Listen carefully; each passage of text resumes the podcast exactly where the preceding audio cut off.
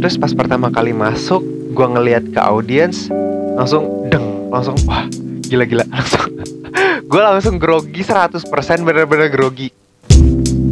Um, apa ya gue uh, menganggap masalah-masalah yang kita lagi hadapin ini untuk mencapai sukses kita di masa depan itu adalah anugerah dari Tuhan supaya kita belajar lebih. Ngerti nggak lo? Halo gengs, apa kabar? Semoga masih baik-baik aja, masih sehat-sehat aja, dan masih tetap di rumah seperti biasanya ya. Jadi karena sekarang masih eh, masa-masa corona ini, kalau misalkan kalian bisa di rumah aja, bisa nggak keluar, nggak ke mana-mana, uh, di rumah aja, nggak usah keluar-keluar lah, karena uh, ketika lu keluar untuk sesuatu yang tidak perlu, sesuatu yang tidak penting, itu akan meningkatkan persentase kemungkinan lu terpapar virus corona. Dan ketika lu terpapar, itu ang uh, angka penyebaran virus corona itu kan bisa semakin tinggi dan itu nggak baik buat lu, nggak baik buat lingkungan lu, nggak baik buat ya semuanya lah. So kalau misalkan kalian bisa tetap di rumah aja, di rumah aja nggak usah ke mana-mana gitu. Oh iya, by the way gue pengen ngasih tahu juga. Sebenarnya gue udah pengen ngasih tahu ini dari episode episode sebelumnya, cuman gue lupa mulu. Uh, jadi kalau nggak salah ini episode ketiga dan di dua episode sebelumnya itu um, di setiap podcast gue itu uh, gue naro background apa ya background suara hujan rintik-rintik tipis gitu loh. Jadi uh, di balik suara gue ngobrol ini pas uh, pas editing gue pasang suara hujan rintik-rintik. Gunanya apa? Sebenarnya uh, ini apa ya kayak request gue sendiri untuk podcast gue sih. Jadi uh, jujur aja kalau misalkan gue ngedengar suara hujan itu tuh kayak gue lebih tenang, lebih uh, bisa fokus. Kalau misalkan nih gue lagi ngedit, lagi uh, bikin poster apa segala macam, gue ngedengerin suara rintik-rintik hujan tuh kayak rasanya lebih um, apa ya kayak lebih tenang terus kayak uh, kalau misalkan gue lagi pusing lagi banyak pikiran segala macam itu tuh ngebantu gue buat lebih fokus gitu loh dan ya gue masukin uh, background suara hujan itu di setiap podcast gue harapannya ketika lu mendengarkan itu juga lu bisa merasakan apa yang gue rasakan ketika gue ngedengar uh, suara hujan. Jadi mungkin ketika lu uh, masang podcast gue ini pas lagi lu sambil beres-beres kamar atau enggak lagi uh, ngerjain tugas-tugas lu lagi uh, melakukan aktivitas sehari-hari lu ya selain lu bisa dengerin suara gua, uh, dengerin cerita-cerita gua, lu juga bisa terbantu untuk lebih tenang dengan suara hujan kayak gitu.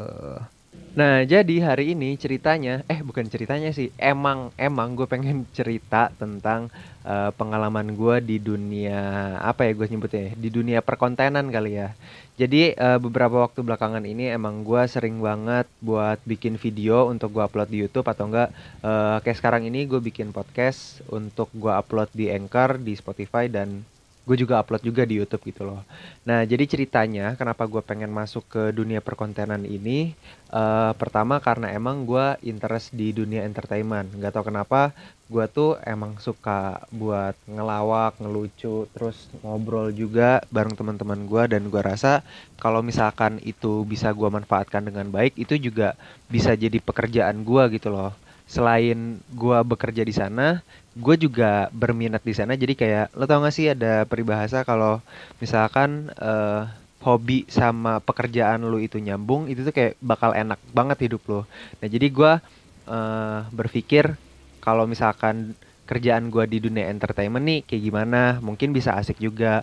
Dan ya udah gue coba-coba aja sekarang gitu nothing tulus kan karena gue masih muda juga. Jadi kalau misalkan salah gue bisa coba lagi energi gue masih banyak waktu gue juga masih banyak. Jadi ya udahlah gue coba-coba dulu aja nah awalnya gue mau masuk ke dunia perkontenan ini karena gue melihat banyak banget orang di luar sana yang udah sukses karena YouTube yang udah sukses karena um, bikin uh, apa sih konten di Spotify, Anchor apa segala macam kayak gitu loh. Dan gue ngelihatnya tuh mereka yang sukses tuh uh, apa ya? Mungkin passion gue sama mereka tuh sama gitu loh, sama-sama suka ngobrol, sama-sama apa ya? Suka berbicara dengan orang banyak apa segala macem kayak gitu. Dan kalau emang beneran sama passion gue dengan mereka ya berarti gue juga harusnya bisa dong ke mereka gitu. Dan gue ngelihatnya mereka gampang-gampang aja gitu. Buat ngobrol di depan kamera buat uh, berinteraksi sama orang baru apa segala macem kayak gitu Terus ya udah akhirnya gue memutuskan buat oke okay deh kayaknya gue pengen jadi youtuber nih. Oke okay deh kayak gue pengen jadi podcaster nih. Ya udah gue coba gitu kan. Oh iya dan kenapa juga gue merasa uh, gue pengen ke sana karena uh, gue ngelihatnya mereka tuh dapet apa dapat uangnya tuh gampang gitu loh, easy money. Ada yang dari AdSense, ada yang dari uh, apa sih kalau nyebutnya itu. Jadi ada brand yang pengen promosi di dia gitu loh, entah itu di iklannya, eh di iklan, di videonya, ada yang pengen apa sih kayak ngesponsorin, nge-endorse, nge-endorse di bajunya, di makanan apa segala macam kayak gitu loh. Dan ya gua rasa uh, mereka bisa mendapatkan uang dengan passionnya mereka dan gua rasa itu kayak wah kayak gue pengen banget nih masuk sini kayak gitu. Nah awalnya gue berpikir seperti itu. Jadi kayak ya um, ada sih tantangan kayak harus ngupload tiap hari, terus kayak capek mungkin syuting, ada waktu-waktunya juga lo pengen istirahat tapi lo harus upload, harus bikin konten segala macam. Terus gue rasa ya itu mah biasa aja kali ya kayak emang kayak gitu pekerjaan gitu emang apa ya ada waktu capek tapi gua rasa itu bukan hal besar yang bisa jadi masalah kayak gitu so akhirnya uh, ya seperti yang tadi gue bilang beberapa waktu terakhir ini gue bikin video gue bikin podcast dan ternyata apa yang gue pikirkan tadi yang kata gue gampang bikin kontennya dapat duitnya gampang terus uh, ya lu bisa bekerja sesuai passion lu, passion lu bisa menghasilkan duit itu kayak enak banget kan. Nah, apa yang gue pikirkan itu tentang yang tadi gue sebutin tuh ternyata langsung terpatahkan di pertama kali gue nyoba bikin video. Itu bener-bener waduh ini kayak untuk mencapai ke sana tuh uh, awalnya gue mikirnya untuk mencapai kayak uh, punya subscriber satu juta, terus viewsnya banyak, upload konten enam kali seminggu segala macam itu kan kayak gampang ya kayak wah ini fix nih gue bisa. Kayak ya mungkin jalan tiga bulan, jalan enam bulan gitu gue bisa mencapai sana. Terus ternyata pas gue bikin video pertama, wah gila, jauh banget nih kayak gue untuk mencapai ke sana. Karena kalau tadi gue uh, ngira-ngira apa sih ngira-ngira jalan gue untuk ke sana tuh kayak tiga bulan enam bulan tuh kan kayak gue masih ngawang-ngawang kan. Gue emang belum terjun ke lapangan kayak gitu. Terus pas gue pertama kali bikin video banyak banget kendala yang gue hadapin. Padahal sebelumnya gue nggak pernah pikirin ada kendala itu loh. Contohnya ya masalah kamera, masalah materi yang mau gue sampein di video gue, masalah lighting pencahayaan, masalah setting apa sih setting buat videonya apa segala macam dan masih banyak banget masalah lainnya yang gue hadapin di uh, rekaman pertama gue di video pertama gue jadi selama ini kan gue ngelihat orang-orang YouTube nge podcast segala macam tuh mereka udah jadi settingnya lightingnya udah bagus bintang tamunya udah ada atau enggak bahan untuk di review atau enggak buat diomongin di video itu udah ada. Jadi kayak ya emang udah set tinggal ngomong tinggal gas blar gitu kan. Nah ternyata uh, eh, gue baru nyadar banyak banget yang harus disiapin sebelum uh, take video tuh ya pas pertama kali rekaman gitu loh. Jadi uh, di pertama kali rekaman itu gue kayak langsung dapat banyak banget pelajaran. Ternyata um, apa yang gue anggap mudah sekalipun yang gue rasa oh, oke okay nih gue gue bisa banget nih buat bikin konten YouTube untuk bikin podcast apa segala macam di di bagian sana aja di sesuatu yang gue anggap itu bisa banget itu gue banget tuh masih banyak masalah yang sebenarnya belum gue lihat kalau misalkan gue belum terjun ke sono gitu. Nah terus setelah gue pikir-pikir lagi ternyata emang banyak sesuatu yang uh, apa ya yang kayak gitu juga di kehidupan gue sebelumnya kayak misalkan contohnya dulu tuh um, gue sering banget buat nge-MC di acara-acara kampus gue lah. Ada yang acara departemen, fakultas. Waktu itu juga beberapa kali pernah gue nge-MC di acara tingkat kampus lah. Waktu itu di ospek. Ini kalau nggak salah di ospek kampus gitu. Nah, um, jadi kalau misalkan gue inget-inget lagi, pertama kali gue nge-MC tuh gue cuman di acara apa ya? Di acara BEM yang itu tuh pesertanya ya nggak terlalu banyak lah terus materinya juga um, gua gua rasa nggak banyak orang yang pengen datang dan gua datang eh apa gua direkrut jadi MC itu karena uh, partner MC-nya tuh teman gua dan kayak ya udah Van lu mau nggak jadi uh, eh, MC bareng gua? Dan waktu itu bener-bener gue uh, gak punya pengalaman sekali buat jadi MC terus ya udah kayak gue diajak gitu. Terus karena dia teman gue juga ya udah ayo aja gitu. MC paling ngapain sih gitu kan? Ngobrol di depan orang apa segala macam kayak gitu. Santai aja emang tiap hari gue juga sering ngobrol sama teman-teman gue gitu. Nah terus pas hari H uh, gue datang ke tempat MC itu udah banyak banget pelajaran yang gue dapetin. Pertama ternyata MC itu harus pakai DC dan DC-nya juga nggak boleh gembel. Tiap hari ini kan gue kehidupannya gembel kan, kayak gue ke kampus pakai celana jeans, pakai jaket, eh selesai gitu kan. Tasnya juga tas sling bag. Kalau misalkan gue nggak ada keperluan masuk kelas, gue pakai sendal, kayak ya udah nyantui banget gitu. Dan ternyata kalau mau MC itu kan harus bagus kan pakaiannya kan, so, harus pakai sepatu, celananya harus matching sama bajunya, bajunya harus matching sama partnernya, terus rambut juga harus rapi terus kumis juga harus rapi jenggot terus rapi apa segala macem lah kayak gitu nah dari situ aja gue udah dapat pelajaran itu yang pertama terus pas masuk ke ruangannya uh, eh, gue langsung di briefing gue langsung di briefing sama apa sih panitianya supaya uh, eh, gue tahu nih jalannya acara nih mau dibawa ke mana segala macam gitu. Nah dari situ aja gue kayak uh, awalnya gue mikir MC itu ngapain sih?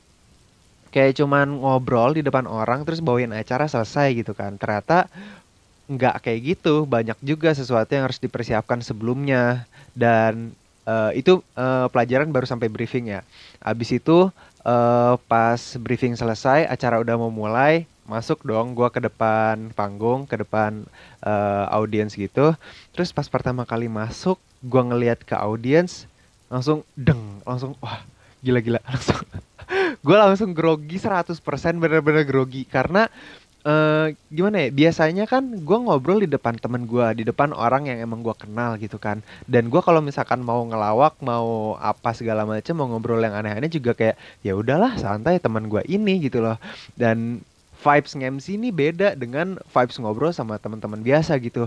Orang yang di depan nih bener-bener memperhatikan gue dan itu nggak sebiji dua biji adalah beberapa orang waktu itu kalau nggak salah di uh, acara yang waktu itu gue datangin tuh ada dua puluhan orang gitu. Dan mereka tuh semua kayak pas pertama kali masuk MC pasti diliatin dong. Karena ya mereka kepo siapa nih yang baru masuk gitu kan jalan di depan terus diliatin. Pas gue ngeliat ke audiens audiens ngeliat gue kayak wah anjir gila banyak banget grogi langsung gue terus ya uh, alhamdulillahnya waktu itu buat opening ya masih berjalan bagus dan setelah opening kan uh, biasalah ada doa terus ada sambutan uh, apa sih ketua acara dan segala macam gitu. Nah habis itu gue uh, pas lagi istirahat karena ada acara di depan panggung yang itu bukan job desk MC ya udah gue uh, dudukkan sama partner MC gue nah di situ gue kayak mulai uh, apa sih kayak mulai brainstorming secara spontan kira-kira abis ini uh, kita mau ngapain nih? Kita mau bawain jokes apa supaya uh, acaranya tuh uh, bisa bisa tetap bagus supaya audiens bisa tetap interest sama acara kita kayak gitu. Nah dari situ aja yang awalnya gue ngerasa MC ini gampang lah apa sih kayak ngobrol doang cuman kayak ya udahlah santai gitu. Ternyata pas masuk lapangan pas gue coba beneran jadi MC nggak ada kata gampang tiba-tiba di kamus gue gampangnya ke mana nih? Beneran sesusah itu men waktu awal gue nyobain jadi MC dan ya dari situ gue uh, belajar kalau misalkan gue suka sama sesuatu gue rasa bisa melakukan sesuatu dan ya kayaknya bakal lancar-lancar aja kalau misalkan gue melakukan tersebut itu belum berarti ketika gue melakukan itu uh, eh, gue bisa segampang yang gue pikirkan gitu loh karena yang gue pikirkan gue bisa bilang yaitu cuman apa yang gue lihat dari orang-orang yang udah sukses. Dan orang yang udah sukses ya dia cuman ngeliatin hasil suksesnya aja gitu loh. Suka dukanya di belakang di belakangnya itu apa aja perjuangan yang pernah dia lewatin apa aja yaitu enggak terlalu nampak dari uh, apa yang dia sekarang. Jadi um, apa ya gue pengen ngasih tahu aja bukan ngasih tahu sih kayak um, menyimpulkan kali ya menyimpulkan kalau misalkan lo nih lagi uh, ngebuat sesuatu apa pun itu mungkin sama kayak gue lagi bikin podcast juga kayak gini ada yang mau mulai bikin YouTube atau enggak mungkin uh, sesuatu yang jauh dari uh, yang gue lakuin sekarang mungkin uh, lo lagi suka bikin masak-masakan karena sekarang nih lagi uh, Ramadan kayak kebutuhan makan tuh lagi banyak.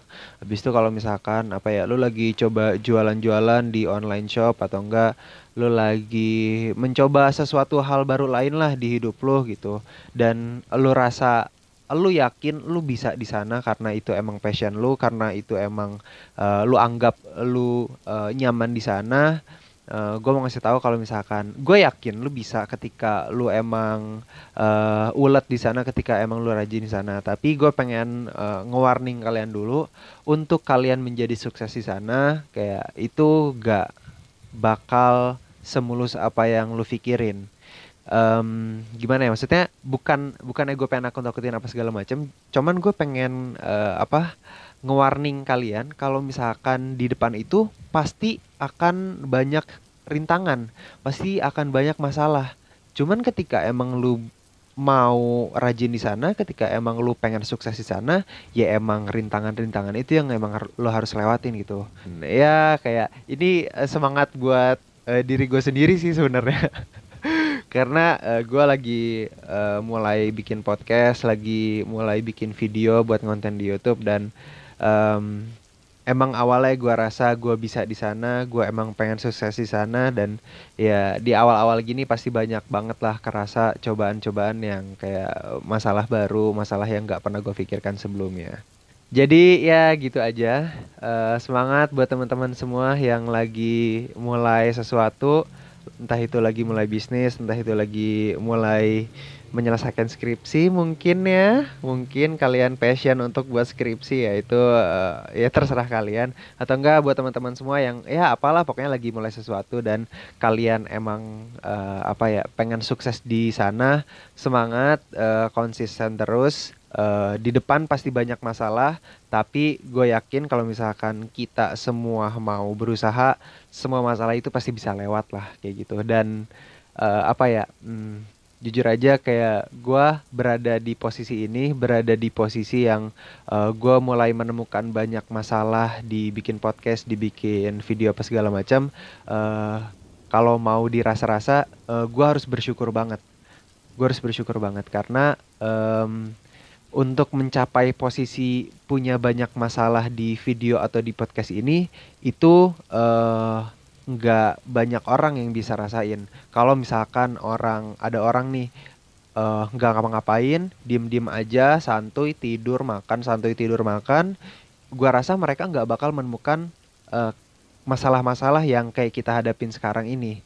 Jadi um, apa ya? Gua uh, menganggap masalah-masalah yang kita lagi hadapin ini untuk mencapai sukses kita di masa depan itu adalah anugerah dari Tuhan supaya kita belajar lebih ngerti nggak lo kayak wah keren banget nih bahasa gue nih. Jadi um, bisa dibilang kita adalah orang-orang pilihan yang bisa merasa gagal supaya kita belajar supaya ke depannya kita bisa lebih sukses. Dan semoga aja kita bisa sukses bareng-bareng di masa depan. Amin. Ya Allah. Ya mungkin segitulah aja uh, konten dari gua di podcast kali ini. Semoga bisa bermanfaat buat teman-teman semua. Sebenarnya banyak banget yang pengen gua ceritain lagi sih karena selain nge-MC gue juga pernah uh, bisnis-bisnisan entah itu dari bisnis uh, jualan makanan, jual risol, donat apa segala macam. Terus ada bisnis apa ya waktu dulu gue juga pernah jualan kaktus, ada bisnis um, Oh, gue pernah jadi IO juga buat acara alumni. Terus ya pokoknya banyak deh pengalaman-pengalaman gue yang gue rasa uh, pengen gue share ke kalian. Tapi karena ya podcast ini nggak bisa lama-lama. Bukan gak bisa lama-lama tapi uh, lebih bagusnya enak didengerin sama kalian itu nggak terlalu lama. Mungkin uh, range 10 sampai 20 menit aja. Jadi ya mungkin segini dulu aja apa yang gue bisa ceritain. Sekali lagi semoga bisa bermanfaat buat uh, kita semua buat gue buat gue dan buat kalian juga. Dan semoga ke depannya kita bisa lebih sukses daripada hari ini. Kayak gitu. Ya udah kali ya segitu dulu aja apa yang bisa gue omongin di podcast kali ini. Oh iya, tidak henti-hentinya gue mengingatkan buat kalian semua, buat kita semua, jangan lupa untuk stay stay at home aja, nggak usah ke mana-mana karena kalau kita ke mana-mana dengan alasan yang tidak penting itu meningkatkan persentase penyebaran virus corona dan kalau misalkan corona ini nyebarnya tidak terkontrol, itu nggak baik buat kita semua. Thank you for listening, gengs. Semoga kita bisa sukses segera mungkin. See you next time. Bye bye.